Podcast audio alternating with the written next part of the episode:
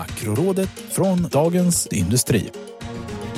Hej och välkomna till Makrorådet. Jag heter Viktor Munkhammar. Med mig idag har jag Kristin Magnusson Bernard, VD på Första AP-fonden och Andreas Wallström, prognoschef på Swedbank. Varmt välkomna tillbaka till studion. Tack så mycket. Trevligt att se er får jag göra. Ni andra får nöja er med att lyssna. Hej, Synoptik här. Hos oss får du hjälp med att ta hand om din ögonhälsa. Med vår synundersökning kan vi upptäcka både synförändringar och tecken på vanliga ögonsjukdomar. Boka tid på synoptik.se. Det är förmiddagen onsdagen den 13 september när vi spelar in det här. Jag säger det så att ni som lyssnar vet vad vi vet och vad vi inte vet. Ett exempel på en sak som vi inte vet är vad den amerikanska inflationen var i augusti. Det utfallet publiceras i eftermiddag. Eh, svenska KPI-siffran kom ju imorgon. Eh, det här är ju viktiga eh, pusselbitar båda två. Kanske framförallt i det amerikanska fallet inför nästa veckas många räntebesked. Eh, det är inget som hindrar oss, eh, det här okunskapen om de utfallen, från att sätta tänderna i den väldigt intensiva centralbanksvecka som ligger framför oss. ECB imorgon torsdag. Fed då nästa vecka på onsdag och sen är det Riksbanken, Bank of England, Norges bank och den schweiziska centralbanken på torsdagen och sen Bank of Japan på fredagen. Jag missade säkert någon men eh, man blir både glad och lite matt på samma gång. Det är mycket som händer. Vi ska också prata om den svenska budgeten. Vi ska få ett ekonomiskt begrepp förklarat och njuta av era spaningar innan vi stänger det hela med veckans viktigaste. Är ni redo? Ja. Okej, Kristin, take us away. Centralbanksveckan. Du har jobbat på de flesta av de här centralbankerna. Nej, det har du inte, men du har varit på flera i alla fall. Eh, Den colombianska vet jag inte om den kommer med besked, men det är ju en av dina tidigare arbetsgivare. ECB i alla fall, där har du jobbat. Så är det och jag tänkte faktiskt börja just den stora centralbanksveckan i Frankfurt. Ja. För det som är spännande med ECB imorgon är att marknaden var fullständigt lika splittrad mellan om det blir en höjning eller inte. Det har varit ute och pratats från ett stort antal direktionsledamöter och där kan man väl också säga att det lutar det åt att det nog, man nog ligger still imorgon men hävdar att det kommer mer längre fram då. Men sen kom igår en läcka eh, och den undrar ju då förstås alla som försöker läsa telöven i marknaden. Var det här avsiktligt att man talade om att inflationsprognosen då förväntas komma in högre än marknadens bedömningar, vilket skulle tala för en höjning. Är det någon sur direktionsledamot som vill vara ute och försöka sätta sista minuten press? Och marknadsprissättningen reagerade omedelbart på att man gick från att det kanske inte skulle bli någon höjning imorgon till att sannolikheten är större då för att man faktiskt höjer räntan igen. Fast det ligger väldigt jämnt fortfarande va? Var det inte för, som Nej, det- det- 55 procent för oförändrat innan och så vad blev det nu? Ja, förväntan går från 10 till 17 punkter. Aha, okej. Ja, och, och, och i min värld, och nu vet jag Ja. att liksom räntevärlden, att vi har våra egna referensramar, men det är en väldigt stor rörelse. Så Mm. det, det visar ju också lite på hur stor nervositeten och osäkerheten är i marknaden. Att en läcka då, som förstås inte bekräftas, ka- kan ge så stor effekt.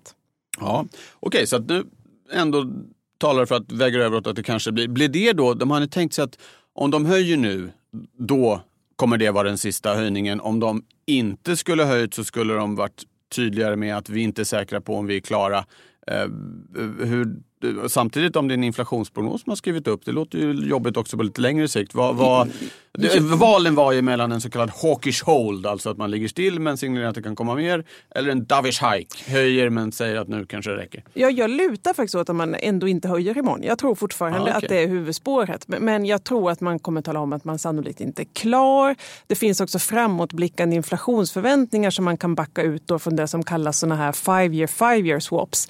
Som visar att nu ligger europeiska inflationsförväntningar faktiskt lite högre än amerikanska och fortsätter uppåt. Det är förstås jobbigt för ECB. Samtidigt ser man att transmissionsmekanismen, det vill säga effekten av tidigare åtstramningar, är stark. Så, så jag tror faktiskt ändå på marginalen man ligger still imorgon. Ja. Andreas, ECB, några ord om även Federal Reserve nästa vecka och inte minst vad betyder det här för Riksbanken? Om du lyckas Ja, ihop få in det där lite ja, snabbt Du behöver inte Yes. göra det i precis ett och samma sig, men eh, jag tänkte att vi skulle få med oss det i alla fall från det här ämnet. Yes. Först, eh, vi tror ju då, vi har ju prognos på att ECB eh, faktiskt höjer räntan och ett viktigt skäl för det är att man inte har kommit lika långt i sin liksom, inflationsbekämpning, är fortfarande lägre styrränta än vad det är i USA och dessutom är inflationsmomentum, alltså inflationsförändringarna här och nu, fortsatt högt. Så vi, vi tror det blir svårt om de skulle göra någon slags hawkish hold. Det, det, det tror jag blir väldigt svårkommunicerat. Så därför tror vi att de höjer.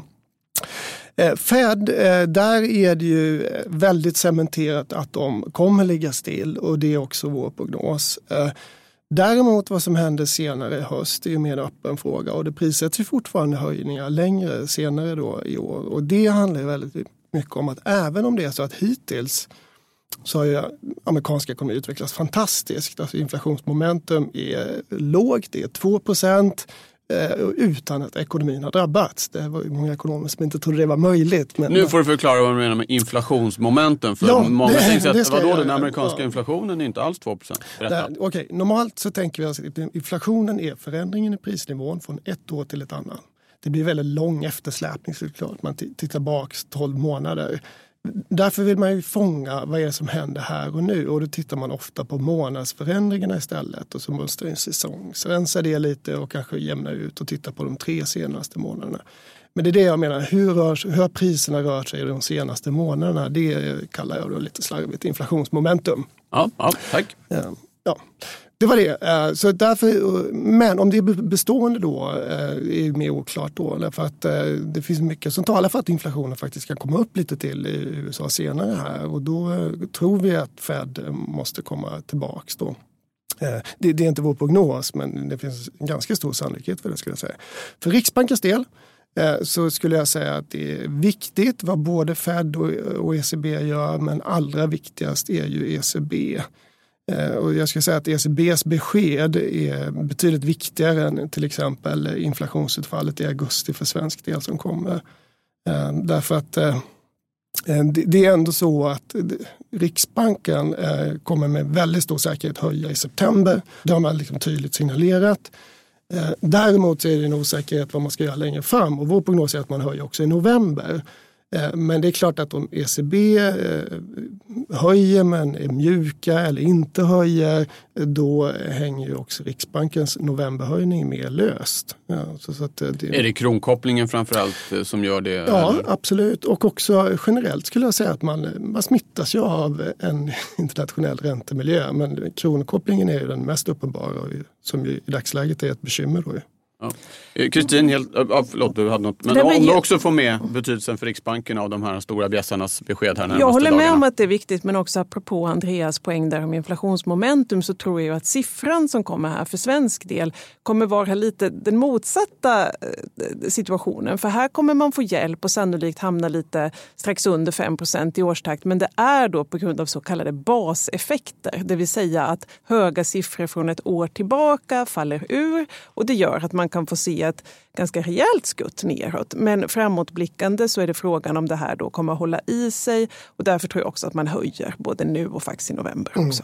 Och viktigt att lägga till där, för det finns ju i debatten ibland så hör man att liksom inflationen här och nu har kommit ner i Sverige och vi, de är alldeles för tillbakablickande.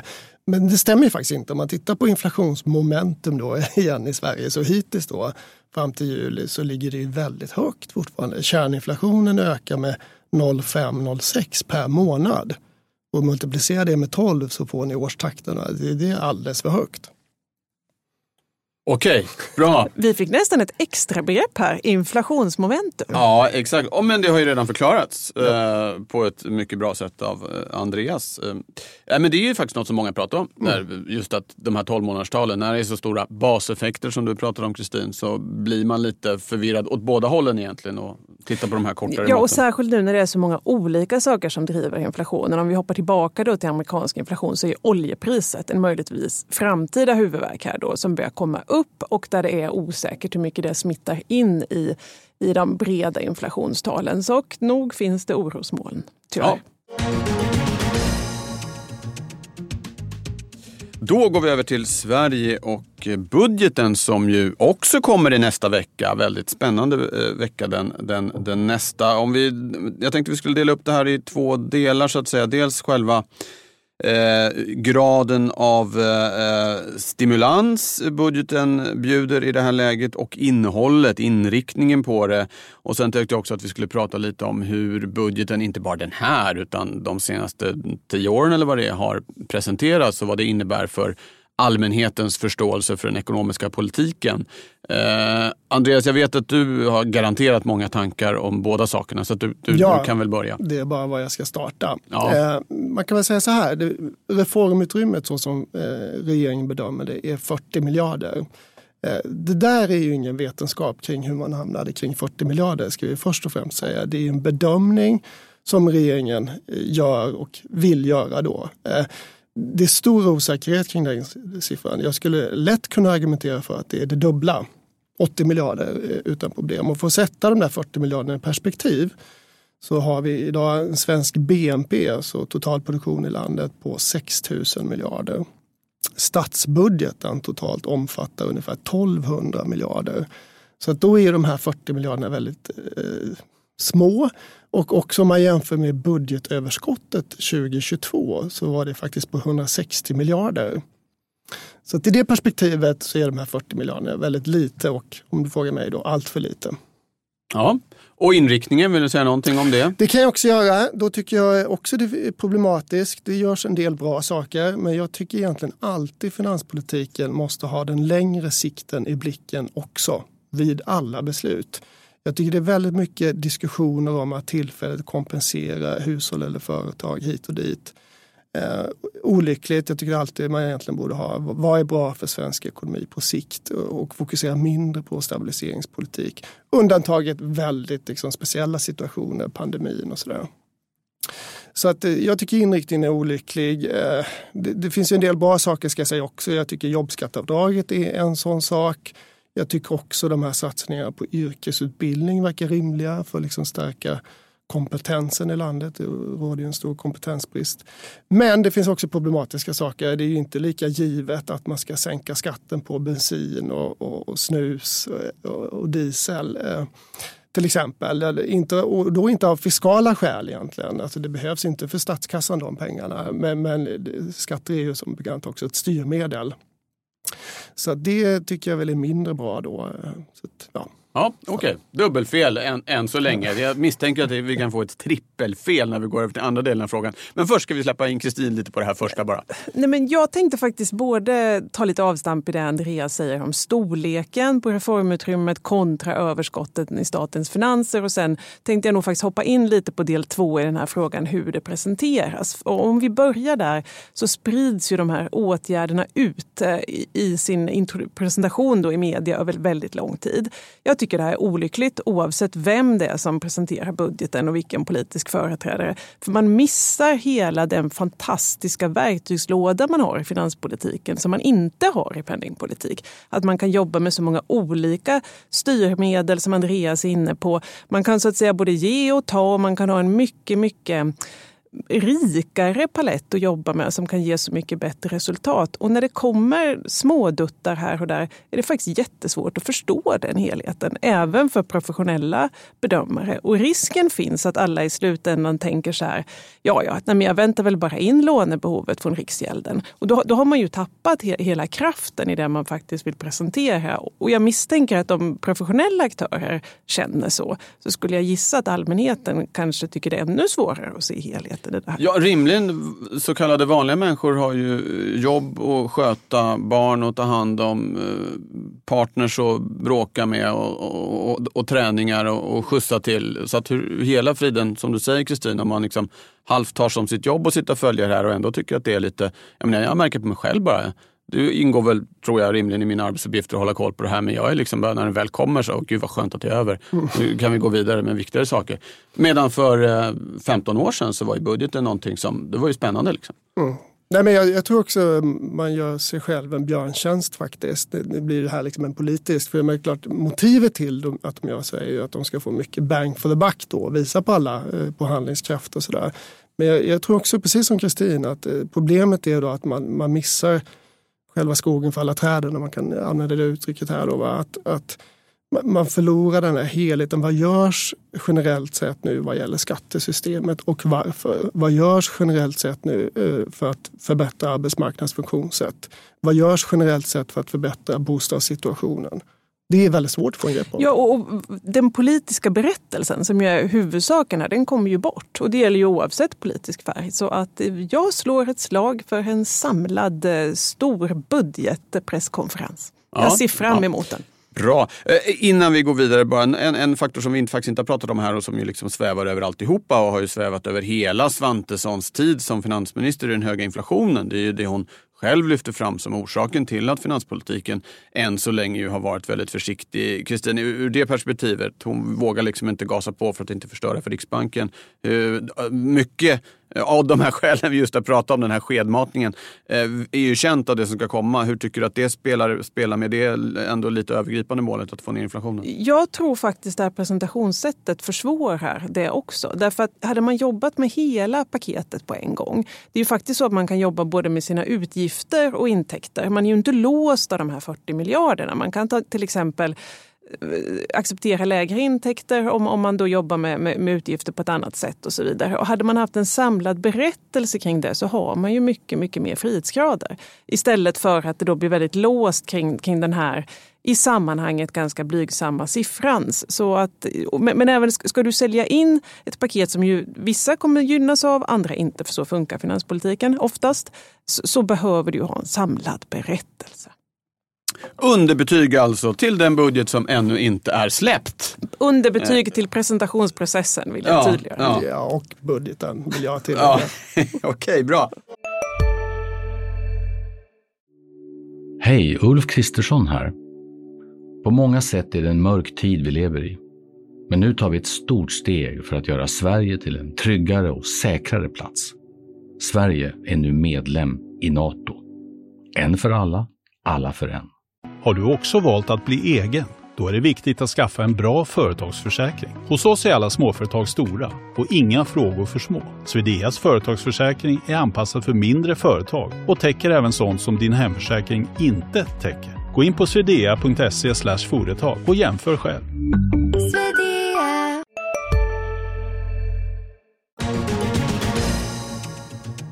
Jo, du Kristin ska reda ut ett begrepp, eh, nämligen nätverkseffekt.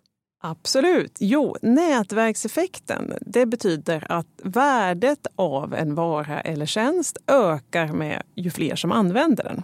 Och typexemplet här är ju internet, telefon men också olika typer av plattformtjänster. Tänk på era sociala medier men för den delen också e-handelsplattformar.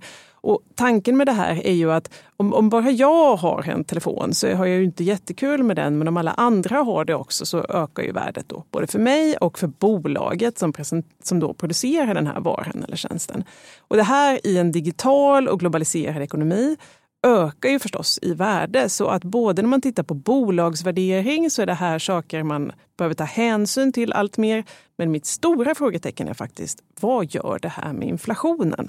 Man skulle kunna tänka sig att med de här dominerande då, plattformarna genom nätverkseffekter har man prissättarmakt. Det skulle kunna göra att inflationen blir högre. Men man kan också skräddarsy priser efter vem som köper, vilket skulle kunna tala för en följsammare inflation till efterfrågan. Så jag slutar mitt begrepp med en fråga. Ja, bra, tack för det. Då vet vi om nätverkseffekten. Eh, nu Andreas, är det du i alla fall, för nu är det dags för spaningar. Mm. Och du har hittat ett naturligt experiment ja. i hjärtat av EU. Ja, Berätta. Det stämmer. Eh, jag tänkte prata om Belgien. Först kanske du ska berätta, vad är ett naturligt experiment? Ja, ett naturligt experiment är ju någonting som ekonomer gillar att prata om för att testa sina teorier, hypoteser på någonting som har hänt i verkligheten eller som händer i verkligheten. Och det anledningen till att vi ska rikta fokus mot Belgien idag, eh, det tycker jag är att i Belgien eh, så är det så att alla löner, nästan till alla löner, inklusive i näringslivet, är indexerade med inflation. Så att det innebär helt enkelt att om Belgien i fjol hade 10% inflation så kommer lönerna i år, eh, det slår igenom lite olika hastigheter, öka med 10 procent eller lite drygt 10 procent faktiskt. Och det här är någonting som är väldigt ovanligt idag i Europa. På 70 80-talet var det ganska vanligt i Europa. Ett problem med detta är såklart att det riskerar att leda till en så kallad pris och lönespiral. Eh, någonting som man verkligen är rädd för, inte minst om man är centralbankir. Så att därför slopade man ju det här i de flesta länder. Men Belgien, Luxemburg, Cypern och Malta eh, har kvar detta då i Europa.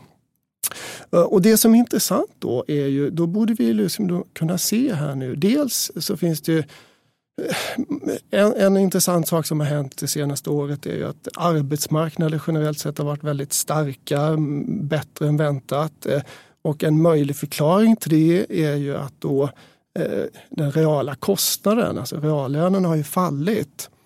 Eh, så att eh, det är det som är ett viktigt skäl till att arbetsmarknaden eh, håller uppe och sysselsättningen är hög. Då borde man kunna testa, så här, är det så att Belgiens arbetsmarknad går sämre? Eh, och jag har tittat på data där och, och, faktiskt så ser det ut att göra det. Nu skulle jag ju i och för sig säga att det är väldigt tidigt och man kan väl inte utesluta att det är många andra faktorer som påverkar belgisk marknad. Man har eh, arbetsmarknad, man har problem i många avseenden faktiskt strukturellt där.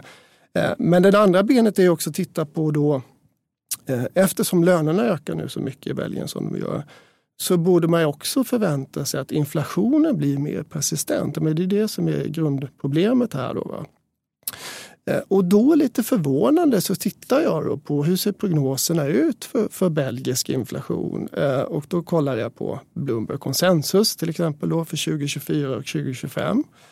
Och konstaterar att nej, inflationen förväntas ligga faktiskt lite lägre än euroområdet i snitt trots då den här löneindexeringen. Och det är lite förbryllande och det är väl min spaning som också då slutar egentligen med ett frågetecken. Varför är det så? Jag inser såklart att det är mycket annat som styr inflationen på kort sikt och tyvärr så har vi liksom inga riktigt bra mått på inflationsförväntningar på längre sikt eh, eh, i Belgien. Då. Det finns ju hushållsmätningar men ofta är de väldigt kortsiktiga och inte så tillförlitliga. Så att, därför tänkte jag att man kan titta på prognoserna på 24 och 25. Men där ser man då alltså inte någon skillnad egentligen, vilket är, tycker jag var lite intressant och förvånande. Ja. Kan det vara så att Belgien ligger där det ligger, det är ett litet land, eh, att eh, som prissättare att det är väldigt svårt, även i sådana branscher som man brukar se som skyddade från omvärlden, alltså tjänster och mm. sånt, att man ändå, är, det är så nära att ta bilen ja. eller tåget till en granne att man inte kan avvika allt för mycket även om man eh, har liksom inhemsk eh, leverantör. Absolut och, och, det är så att Belgien handlar jättemycket med framförallt Nederländerna, Tyskland och Frankrike. Eh, det är de viktigaste handelspartnerna där. Och, och, det är klart att det, det, kan ju vara så som du säger att, att företagen inte kan kompensera sig för den här ökade kostnaden. Men då borde ju andra sidan av det myntet borde i så fall vara att eh, belgisk ekonomi går sämre. Eh, så det återstår väl att se då, eller hur? För då borde ju, eh, ja, ja, ja.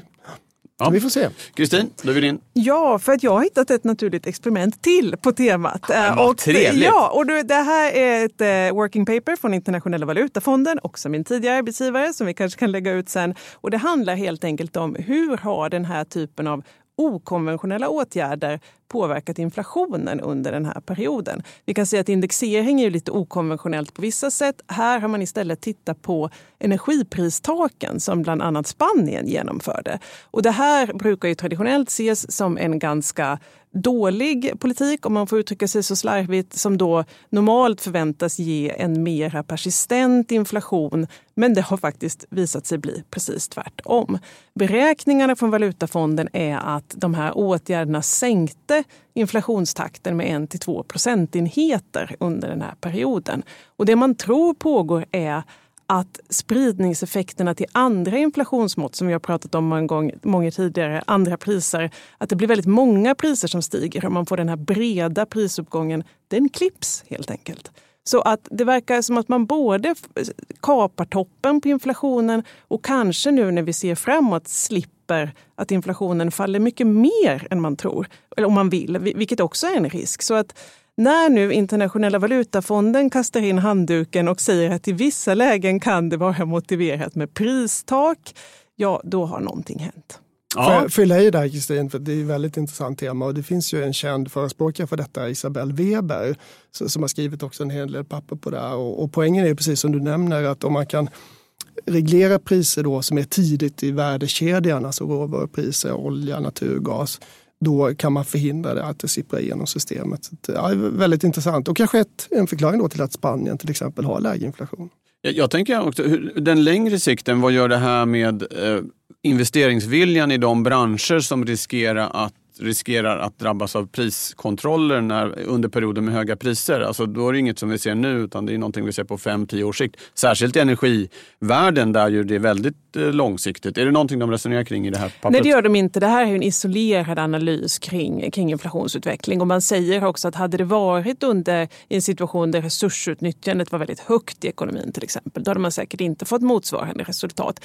Eh, och, och precis som du säger så tror jag att i det längre perspektivet just vad gäller investerings investeringsviljan så är det här uppenbart negativt. Men, men jag tror just koncentrerar vi oss på inflationen så får man väl säga att vi har lärt oss att allt kanske inte är precis som vi trodde när det blir hög inflation.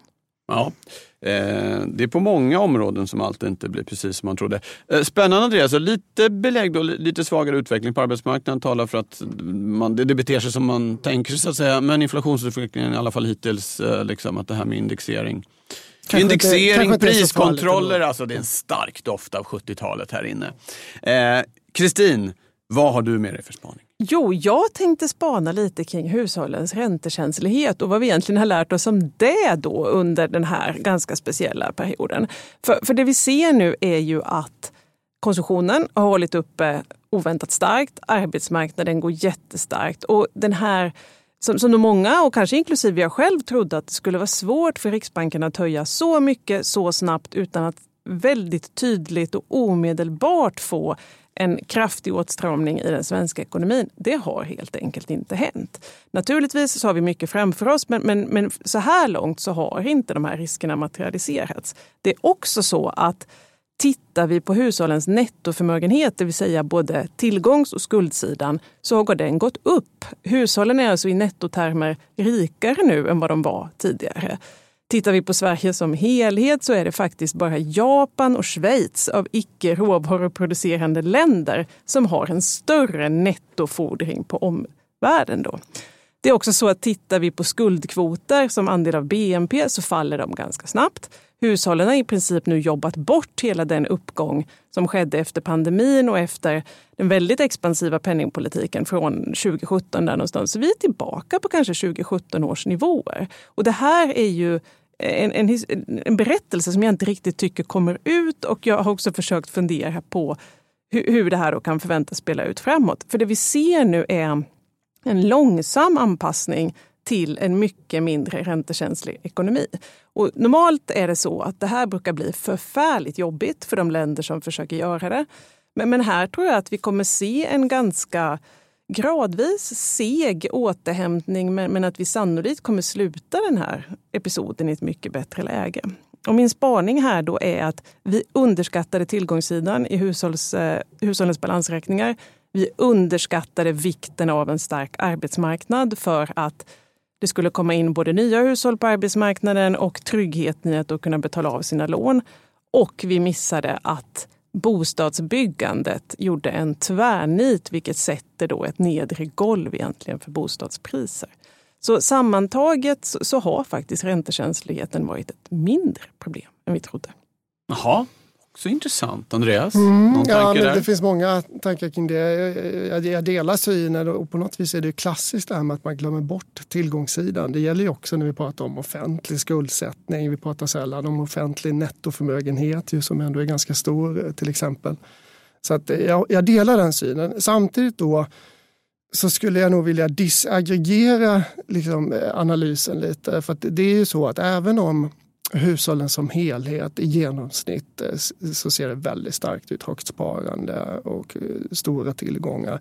Så är det så att en inte försumbar andel av hushållen och typiskt sett yngre hushåll eh, har det väldigt tufft just nu. Och problemet för dem är ju just att faktiskt aggregatet går så bra så att man kommer liksom inte faktiskt ta hänsyn till dem i den stora ekonomiska politiken vad gäller räntor och, och budget till exempel. Det ser jag som ett bekymmer. Och lite återigen då att det är det faktiskt unga som kommer till kläm här då som, som hade oturen att komma in sent på bostadsmarknaden och eh, kanske bo då i städer där man är tvungen att köpa dyra bostäder. Det, det tycker jag är någonting som vi ändå måste säga, också i en makropodd. Ja, absolut. Och, och sen, det för ju oss tillbaka till den så kallade policymixen som vi har varit inne lite på i den här podden. Nämligen att jag tycker inte penningpolitiken är väl lämpad att ta hänsyn till olika grupper i ett land. Den amerikanska centralbanken försökte ju innan den här inflationskrisen, får vi väl säga, drog igång, prata om att till exempel ville man se ökad sysselsättning i de mest marginaliserade grupperna och så vidare. Det är för trubbigt instrument för det och det är där finans näringspolitiken behöver komma in. Så att, men, men det är väl också en viktig slutsats av allt det här. Ska penningpolitiken titta på marginalköparen, marginalsäljaren, marginalhushållet eller helheten?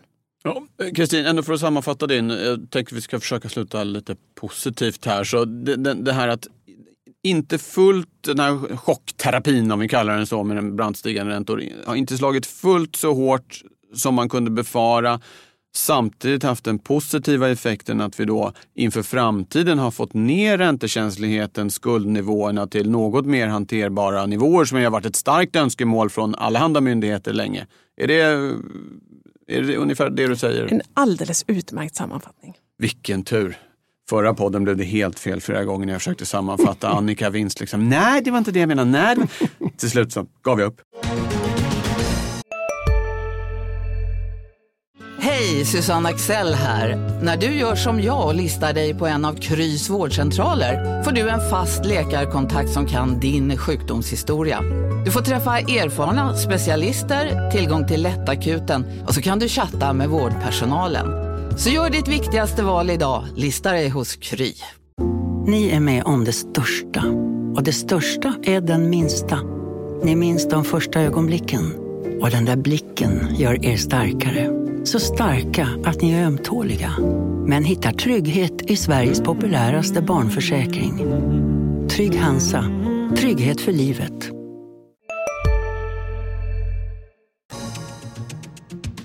Bra, nu ska vi avsluta eh, dagens eh, inspelning och då är det du, Andreas, Ja. veckans viktigaste. Vi har ju varit inne på mycket av det, men vad får man absolut inte missa här den allra närmaste Ni tiden? får inte missa ECBs räntebesked och eh, inte minst så gäller det, det det är dels intressant vad de gör med räntan såklart här och nu men också vilka signaler de skickar för framtiden. Det skulle jag säga blir väldigt viktigt också för Riksbanken Eh, och som jag sa tidigare faktiskt ännu viktigare än just svensk inflation här och nu.